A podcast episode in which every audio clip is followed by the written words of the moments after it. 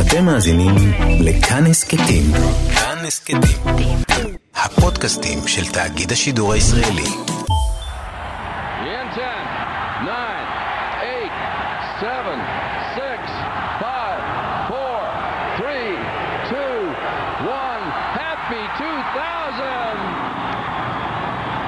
ב-31 בדצמבר 1999 חגג כל העולם את סיומו של האלף השני לעידן המשותף, האלף השני לספירה, מה שכולנו זוכרים כחגיגות המילניום, החגיגות והפחד שליוו את כניסת המאה ה-21.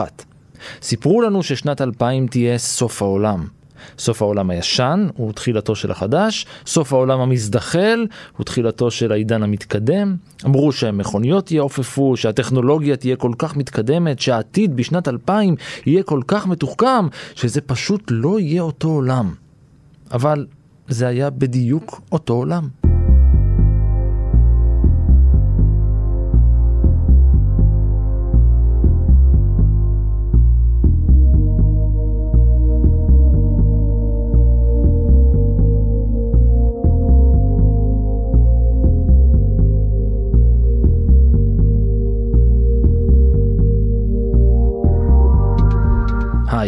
אני רן מנהר ואתם על מנהר הזמן. מדי פרק אנחנו מספרים לכם על מקרה שקרה בעבר מזווית שכנראה עוד לא הכרתם. השנה אנחנו מציינים 20 שנים לשנת 2000. בפרק הזה ובפרקים הקרובים של מנהר הזמן, אנחנו חוזרים אל האירועים שעיצבו את חיינו היום, אז לפני שני עשורים.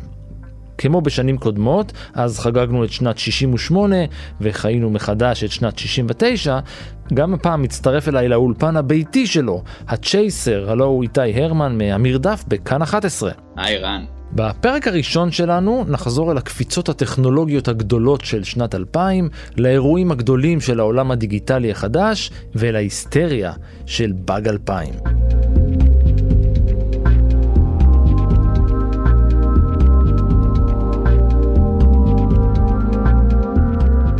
אני זוכר שכילד ביליתי שעות בחישובים מתמטיים מסובכים כדי לברר בין כמה אהיה כשתגיע שנת 2000. כשכולנו נחליף את הקידומת בתאריך. כשהעתיד שכולם מבטיחים כל הזמן יהיה ההווה. ואף פעם לא יסתדר לי משהו. איך זה יקרה?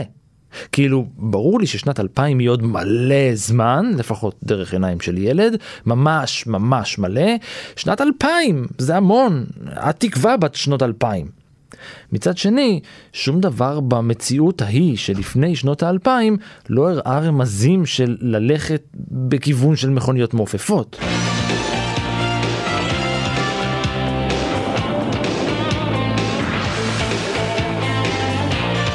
הדבר הכי קרוב היה סרטי קולנוע ותוכניות טלוויזיה. תוכנית אחת שכזאת שודרה משנת 81 במשך שנים ארוכות, והיא סיפרה על החידושים הטכנולוגיים שמשנים את חיינו. קראו לה Beyond 2000. וכשבאמת הגיעה השנה, היא הייתה בבעיה.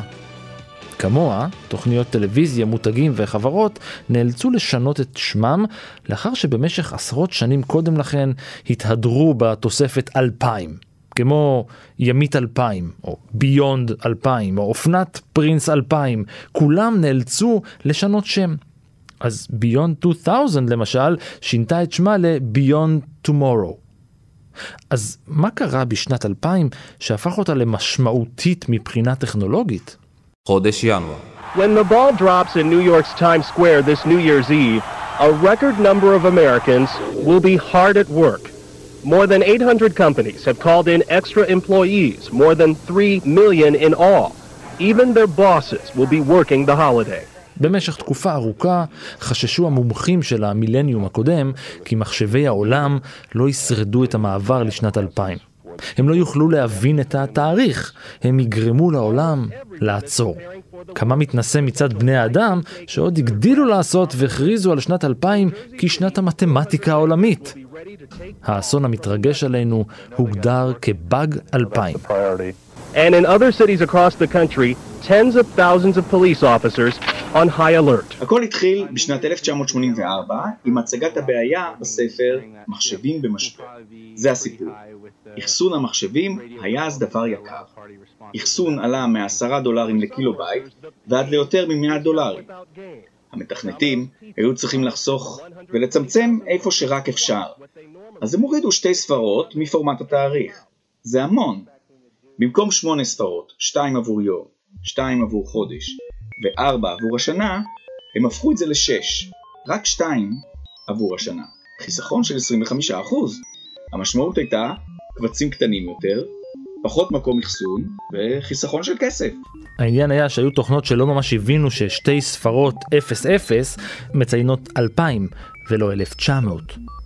וזו הייתה בעיה. אם ב-1 בינואר 2000 מערכות רגישות, בנקים, שדות תעופה וצבא למשל, יתאפסו פתאום ויתחילו לתפקד כאילו השנה היא 1900, ההשלכות עשויות להיות קריטיות. ועדות מיוחדות הוקמו על ידי ממשלות כדי לפקח על עבודות לתיקון ולתכנון ולתכנות של תשתיות ושירותים, רק שיהיו בטוחים שהכל יהיה בסדר ביום המיועד. פוליטיקאים הלהיטו והלהיבו את עצמם בנוגע לבעיה, והציבור בכל רחבי העולם הסתחרר איתם בפאניקה.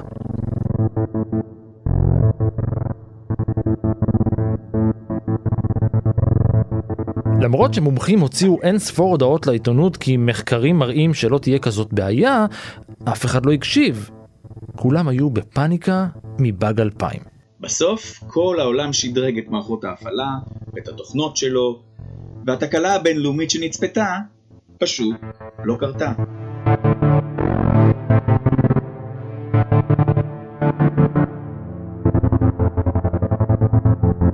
יפה. אז העולם זיהה את הבעיה, את האתגר, התכונן מראש, הלחיץ את עצמו סתם בחסות הפוליטיקאים, והצליח להתמודד עם הקדמה שהוא עצמו יצר. הרי את התאריך המציאו בני האדם, שגם המציאו את הטכנולוגיה, ועכשיו גם המציאו את הפתרון. נראה ששנת 2000 התחילה ברגל ימין. The merger of the number one internet company with the number one media company will bring together the best of both worlds. Tonight, a special edition of CNN Newsstand looks beyond the hot links and the sound bites. בעשרה בינואר נחתמה עסקת המיזוג הגדולה ביותר בהיסטוריה בין שני תאגידי ענק. חברת אמריקה אונליין, AOL, קנתה את חברת טיים וורנר תמורת 126 מיליארד דולר. חברת Time Warner בעצמה הייתה מורכבת משתי חברות עצומות שהתאחדו עשר שנים קודם לכן, ב-1990. Time Inc, תאגיד שבבעלותו היו יותר ממאה עיתונים ובהם Time, העיתון, Sports Illustrated, Fortune, People, Life, Mad מגזין ו Warner Communication. Warner Brothers מהקולנוע היו שם, אחר כך הם גם התרחבו לשירותי כבלים ומוזיקה, ערוצי MTV, ניקלודיון, DC קומיקס, כשהם התאחדו עם טיים אינק נוספה גם HBO, ואחרי כמה שנים, ב-96, גם CNN הצטרפה לתאגיד הענקי הזה. ו-AOL, אמריקה אונליין, חברה הרבה יותר צעירה, היא אחת מספקיות האינטרנט הראשונות בארצות הברית ובעולם כולו. היא הצליחה בשנות ה-90 לתת שירותים מיוחדים ללקוחות שלה, כמו, שים לב, חדרי צ'אט אנונימיים, שירותים של ערוצי תוכן לפי קטגוריות, וחשבונות מייל שהכתובת שלהן הייתה זהה לשם המשתמש של הלקוחות. וחוץ מזה היה להם עוד פטנט, פטנט שיווקי גאוני, הם הפיצו בארצות הברית דיסקטים ודיסקים של חבילות התוכן שלהם. וככה אנשים הורידו את החבילה הזאת, וזה הפך אותם לספקית האינטרנט הגדולה בארצות הברית. בשנים שלפני המיזוג היא גם קנתה את הדפדפנים Netscape ו Mozilla, וגם את מיראביליס הישראלית המפורסמת שפיתחה את אה, ICQ. המיזוג אז נחשב אירוע שהוא מסמלי תקופת אה, פיצוץ בועת ה dot com של לפני האלף. זה התחיל מזה ש-AOL באמת הכריזה שהיא מתכוונת לקנות את Time Warner, ואחר כך התברר שבעצם מדובר במיזוג.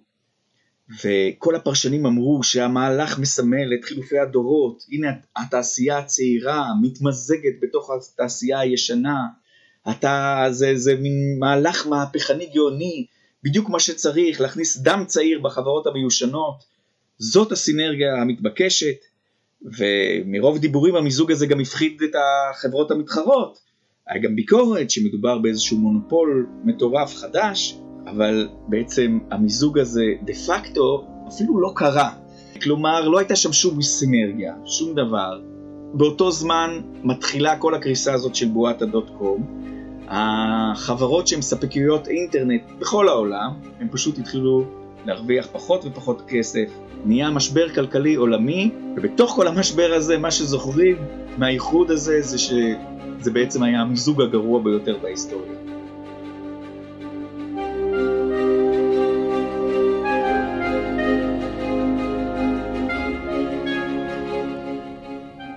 חודש פברואר. שנת 2000 הייתה שנה מאוד מיוחדת מבחינת תאריכים. לא רק בגלל הבעיה שלא הייתה בעיה עם באג 2000, אלא בגלל שהיא הייתה שנת 100 מעוברת ונדירה ביותר. נסביר. שנה מעוברת היא שנה שיש בה אקסטרה ימים. בלוח השנה העברי נוסף מדי כמה שנים חודש אדר א'. בלוח הכללי, בכל ארבע שנים למשל, נוסף יום לחודש פברואר. בדרך כלל שנות 100, השנה העגולה של תחילת המאה, לא מתחלקות בארבע. שנת 2000 הייתה השנה הראשונה שהייתה גם מעוברת, עם 29 ימים בפברואר, וגם שהתחלקה בארבע מאז שנת 1600. הפעם הבאה שזה יקרה, יהיה בשנת 2400.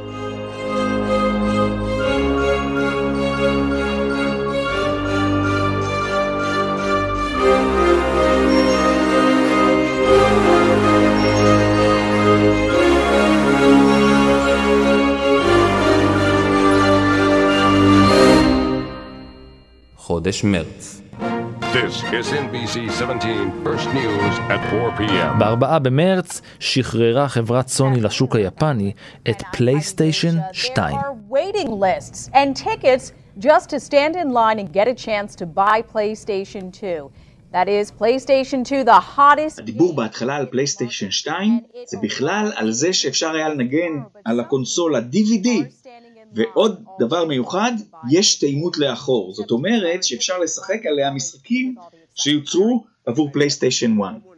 לא עזרה הביקורת על המחיר. 300 דולר בארצות הברית, וגם המתחרים שהגיבו אגב תוך כמה חודשים, ולאקסבוקס ולגיימקיוב, שאגב היה זול, היה רק 200 דולר, כולם ידעו שיש למתחרים שלהם יכולות גרפיקה שוות יותר, ושירותי אונליין טובים יותר. הסיפור של ההצלחה של פלייסטיישן 2 היה הספרייה הענקית של המשחקים שהיא הציעה. היו הרבה מאוד כותרים גם אצל המתחרים, אבל סוני השכילה לסגור בלעדיות עם מפתחים שייצרו משחקים רק עבורה, וככה זה מה שעזר למכירות. משחקים כמו דרגון בול זי, GTA, God of War, כל המשחקים האלה היו רק בפלייסטיישן 2. זאת הקונסולה הנמכרת ביותר בעולם, 155 מיליון יחידות תוך עשור. בהמשך השנה עשה את דרכו הפלסטש 2 וחדר לכל שוק בעולם המערבי. זוהי קונסולת המשחקים הפופולרית ביותר עד שנת 2006 והיא יוצרה עד שנת 2013. חודש אפריל. בינתיים, המתחרה הגדולה של סוני בקטגוריות קונסולת המשחק, כאמור מייקרוסופט, מוצאת את עצמה תחת מתקפה.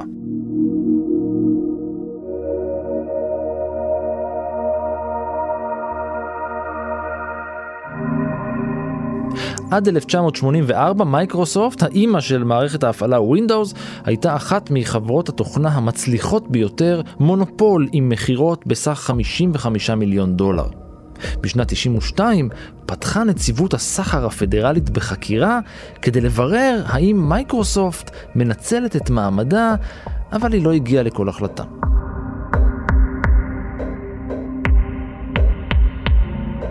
באוגוסט פתחה בחקירה גם מחלקת המשפטים. אחרי שנתיים, מייקרוסופט הסכימה שלא להתנות מכירה של מוצרים שלה ברכישת מערכת ההפעלה Windows. מייקרוסופט המשיכה וטענה במשך כמה שנים לאחר מכן שדפדפן האינטרנט שלה, ה Internet Explorer, הוא לא מוצר נפרד, אלא חלק ממערכת ההפעלה, למרות שהוא נמכר בנפרד. במאי שנת 98 תבע משרד המשפטים האמריקאי את מייקרוסופט בגין הפרת צו ההסכמה משנת 94. הם טענו שמייקרוסופט אילצה את יצרני המחשבים לכלול את דפדפן האינטרנט שלה כחלק מהתקנת Windows. כאשר השופט הורה למייקרוסופט להציע גרסה של Windows שלא כללה את ה Internet Explorer, מייקרוסופט השיבה כי החברה תציע ליצרנים אפשרות בחירה, גרסה מיושנת של Windows או גרסה אחרת שלא עבדה ממש כמו שצריך.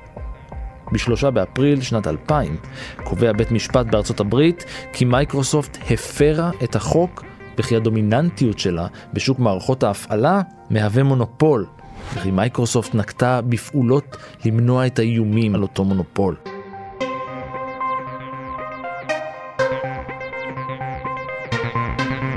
ב-7 ביוני 2000 בית המשפט הורה על פירוק של מייקרוסופט לשתי יחידות נפרדות, אחת לייצור מערכות ההפעלה ואחת לייצור רכיבי תוכנה אחרים. חודש מאי. המסלול מוכן.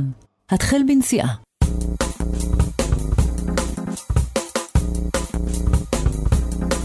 כולנו משתמשים מדי יום באפליקציות ניווט, במפות של גוגל או של אפל, בשירותי מיקום כאלה או אחרים, ורובנו המוחלט לא מקדיש יותר מדי מחשבה לטכנולוגיה שעומדת מאחורי זה.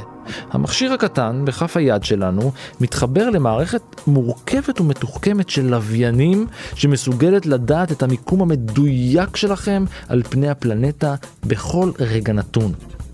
מערכת המיקום הגלובלית או מערכת האיכון העולמית היא משהו שנשמע ממש מתוך ספר מדע בדיוני. מדובר במערכת בבעלות ממשל ארצות הברית שמופעלת על ידי חיל החלל האמריקאי. אתם מכירים אותה בראשי התיבות שלה, GPS.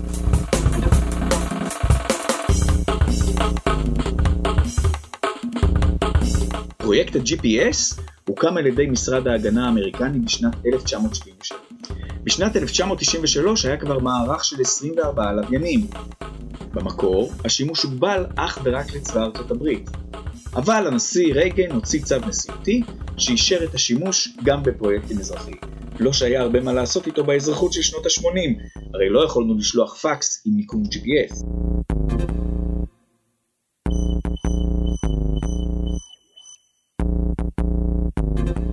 אבל עם ההתקדמות של הטכנולוגיה בשנות ה-90, נוצרה דרישה חדשה לשדרוג היכולות של המערכות הקיימות. הבית הלבן דחף את השינוי בחוק האמריקאי, והדורות הבאים של טכנולוגיית ה-GPS הפכו זמינות עבור כולם. הצבא האמריקאי המשיך לקבל אות מדויק ואמין, אבל האזרחים קיבלו אות, אה, ובכן, פחות מדויק ופחות אמין. הייתה מדיניות של דיוק סלקטיבי, ככה שרק הצבא קיבל את האות המדויק והאיכותי. ב-2 במאי 2000 חתם הנשיא קלינטון על צו נשיאותי שמתיר את השימוש ברשת ה-GPS לכולם באותה איכות דיוק.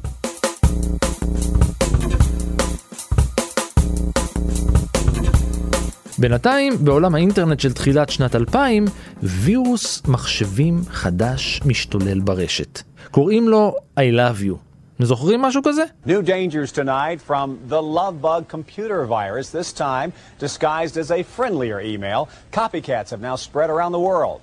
Bill Graffin joins us live. Bill. David, this is far from a childhood prank anymore. Experts... זו הייתה תולעת מחשבים. אחת התולעים הראשונות שתקפה יותר מעשרה מיליון מחשבים ברחבי העולם דרך האימייל. שורת הנושא של האימייל הייתה I love you, והיה קובץ מצורף בשם מכתב אהבה עבורך, או עבורך. שנראה לכאורה כמו קובץ טקסט רגיל, אבל ברגע שהמשתמש פתח את הקובץ, הווירוס היה מופעל, הוא מחליף קבצים במערכת ההפעלה של Windows, שוב Windows, ומשבש את ההפעלה שלה. יותר מזה, הוא היה שולח את עצמו לכל הכתובות באימייל של המשתמש. מקורו של הווירוס הוא בפיליפינים, ומשם הופצה התולעת הזאת דרך אימיילים של מקומות עבודה, היא עברה להונג קונג, לאירופה ולארצות הברית.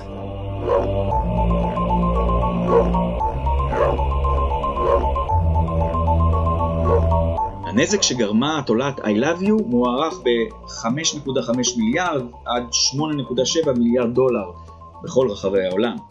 תוך עשרה ימים דווח על יותר מ-50 מיליון זיהומים, וההערכה היא כי עשרה אחוזים מהמחשבים המחוברים לאינטרנט בעולם נפגעו. הפנטגון, ה-CIA, הפרלמנט הבריטי ורוב התאגידים הגדולים סגרו לחלוטין את מערכות הדואר שלהם.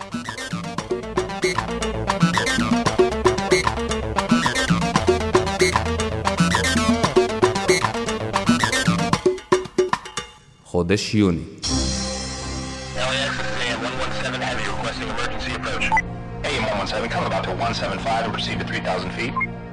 בחמישה ביוני הופץ הסרט הקצר הראשון באמצעות האינטרנט, 405. מדובר בסרט בן שלוש דקות שהופק בתקציב של 300 דולר. ומה רואים בו? מטוס של אמריקן איירליינס מקבל הנחיה לנחות נחיתת חירום בנמל התעופה של לוס אנג'לס. עד כאן, בסדר. צוות המטוס מודיע שיש בעיה כי הם לא מצליחים לשמור על גובה ומיד מתחילים בנחיתה. בינתיים, רואים בחור צעיר נוהג ברכב שלו על כביש ריק, שמסתבר שסגרו אותו כדי שהמטוס יוכל לנחות עליו. אז המטוס נוחת עליו, ממש עליו, על האוטו עצמו, ושניהם נצמדים.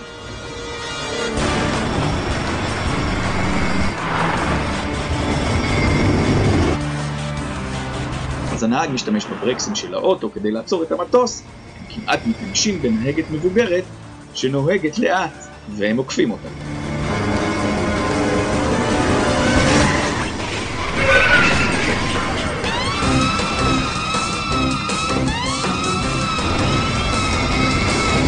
כשמצליחים לעצור בסופו של דבר, הנהגת המבוגרת מגיעה בנסיעה איטית ועושה להם אצבע משולשת.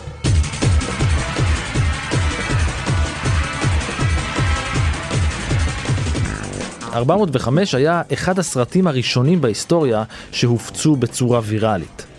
הוא הגיע למיליון צפיות, שאז הם נספרו כהורדות, עשרת אלפים בשבוע הראשון. תוך חודש הוא כבר כיכב באתר אייפילם, וכמות הצפיות עלתה לשני מיליון. אלה היו ימים בלי יוטיוב להזכירכם.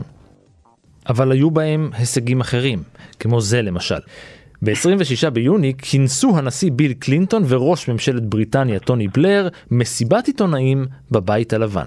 We are here to celebrate the completion of the first survey of the entire human genome. הם הודיעו על השלמתו של הסקר הראשון של כלל הגנום האנושי. פרויקט הגנום האנושי היה פרויקט בן 13 שנה במימון ציבורי שנפתח בשנת 1900 במטרה לקבוע את רצף ה-DNA של הגנום האנושי כולו תוך 15 שנה. פרויקט הגנום האנושי, אחד הפרויקטים השאפתניים והמוצלחים של המדע. עלות של 3 מיליארד דולר, 5 מיליארד דולר עם תיקוני אינפלציה, בהשתתפות של שש מדינות מובילות, ארצות הברית, בריטניה, יפן, גרמניה, צרפת וסין, ועוד אלפי מדענים מכל העולם, כולל צוותים מישראל, ממכון ויצמן ובית חולים הדסה. במסגרת הפרויקט סרקו כרומוזונים של כמה בני אדם ותיעדו את רצפי ה-DNA שלהם. ה-DNA מולקולה שנמצא בה כל המידע הדרוש כדי לבנות תא בכל אורגניזם שמוכר לנו, מחיידקים עד בני אדם. כל רצף הוראות בתוך DNA נקרא גן. בגנום האנושי יש 20 עד 25 אלף גנים ושלושה מיליארדים של בסיסים, האותיות שמהם הוא מורכב. עכשיו, זה נראה כאילו שאנחנו יודעים כבר מה התפקיד של כל אחד מהגנים ברצף. אז זהו שלא, כי אתה יכול לקרוא את האותיות ועדיין לא להבין את המשמעות שלהם. אבל זה בהחלט נותן את הבסיס למחקר הזה שאנחנו שומעים על פירותיו כל הזמן, גם היום. המידע הזה מאוחסן בבסיס נתונים שנגיש למחקר של כל מי שרוצה לחקור, והמחקר הזה מאפשר לנו באמת לאתר גנים שקשורים למחלות, מאפשר לנו לחקור על ההשתלשלות ההיסטורית של האבולוציה של האדם, וגם על כל מיני קשרים תורשתיים בין אוכלוסיות של בני אדם. דיברנו על מחשבים, קונסולות, משחקים, אינטרנט, מה עם טלפונים ניידים? או. חודש ספטמבר. ב-1 בספטמבר שחררה נוקיה, ענקית התקשורת והמלכה הבלתי מעורערת של הטלפונים הניידים, טלפון חדש. נוקיה 3310.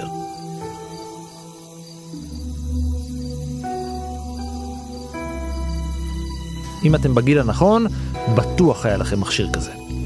הוא בגודל כף יד, מינימלי מאוד, ואם הייתי מבקש מכם לדמיין עכשיו טלפון סלולרי, מה שנקרא היום טלפון טיפש, זה בדיוק הטלפון שהייתם מדמיינים.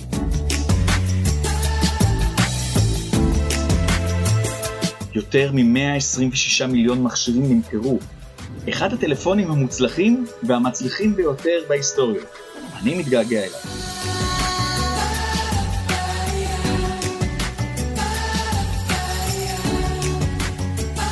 בינתיים, סטיב ג'ובס מאפל יצא בהכרזה. לא, לא אייפון, זה ייקח עוד קצת זמן. Because it's my pleasure today to announce Mac OS 10. ב-13 בספטמבר הציג סטיב ג'ובס לעולם את מערכת ההפעלה המתקדמת ביותר למחשבי מקינטוש, מערכת ההפעלה 10, או X, המערכת שבשימוש עד היום. היא נמכרה בפחות מ-30 דולר. חודש אוקטובר. 3, 2, 1. We have ignition, we have ignition and liftoff. Liftoff of the Soyuz rocket, beginning the first expedition to the International Space Station and setting the stage for permanent human presence in space. סוף אוקטובר היה סופה של תקופה. בתחנת החלל הבינלאומית הייתה מופקרת לכל חייזר מזדמן. כי 30 באוקטובר היה היום האחרון בו לא היו אנשים בחלל. למחרת המריאה חללית סויוז מקזחסטן כשעל סיפונה צוות אסטרונאוטים. הצוות הראשון שהיה לתושבי הקבע של תחנת החלל הבינלאומית.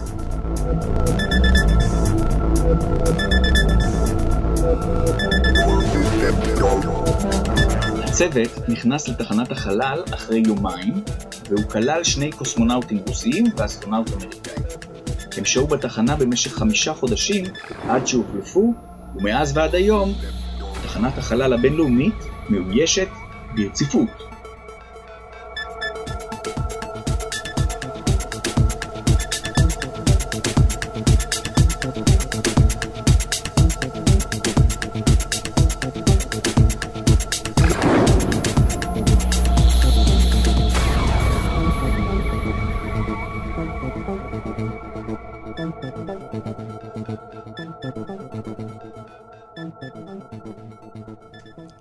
колодець Децембер. Внимание на блочном. Приступаю к заглушению реактора ключом аварийной защиты 5.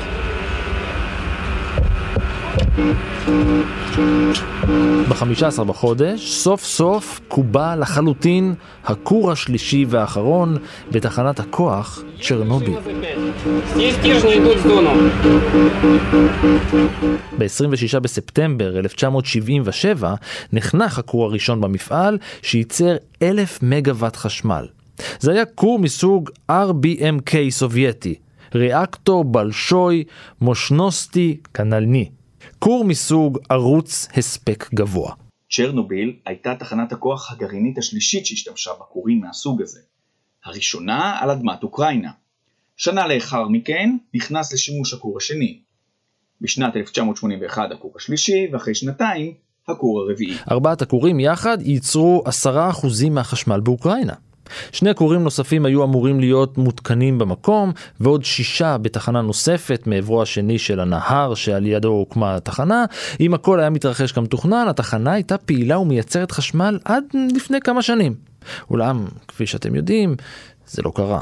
It's now clear that the Soviet Union has suffered one of the worst disasters in the history of nuclear power.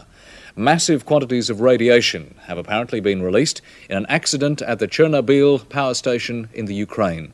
Many thousands of people live in the vicinity. Moscow admits there have been casualties, and signs are that a big relief operation is underway. התאונה והפיצוץ שאחריה היו לאסון הגרעיני החמור ביותר בהיסטוריה, משתווה לו רק האסון בפוקושימה, יפן, בשנת 2011. כבר בשנת 1986 נחקרו הנסיבות שהובילו לאסון. הוועדה הבינלאומית לאנרגיה אטומית קבעה כי הגורם העיקרי לשרשרת האירועים היה הפרה בוטה של תקנות וכללי הפעילות. אחד הגורמים להפרה הזאת היה שיקול דעת מוטעה, שככל הנראה נבע ממחסור במיומנות ובלבול שנובע ממחסור בשעות שינה.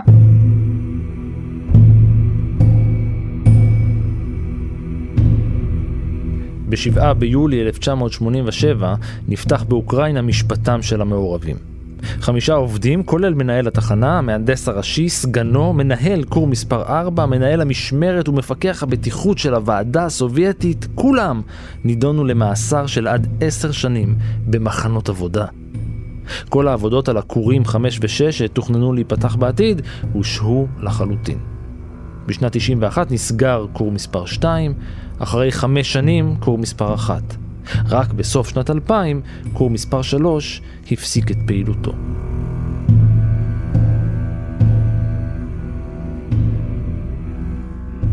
באפריל 2006 הודיע מיכאל גורבצ'וב, נשיא רוסיה, שאסון צ'רנוביל היה כנראה הסיבה האמיתית לנפילתה של ברית המועצות.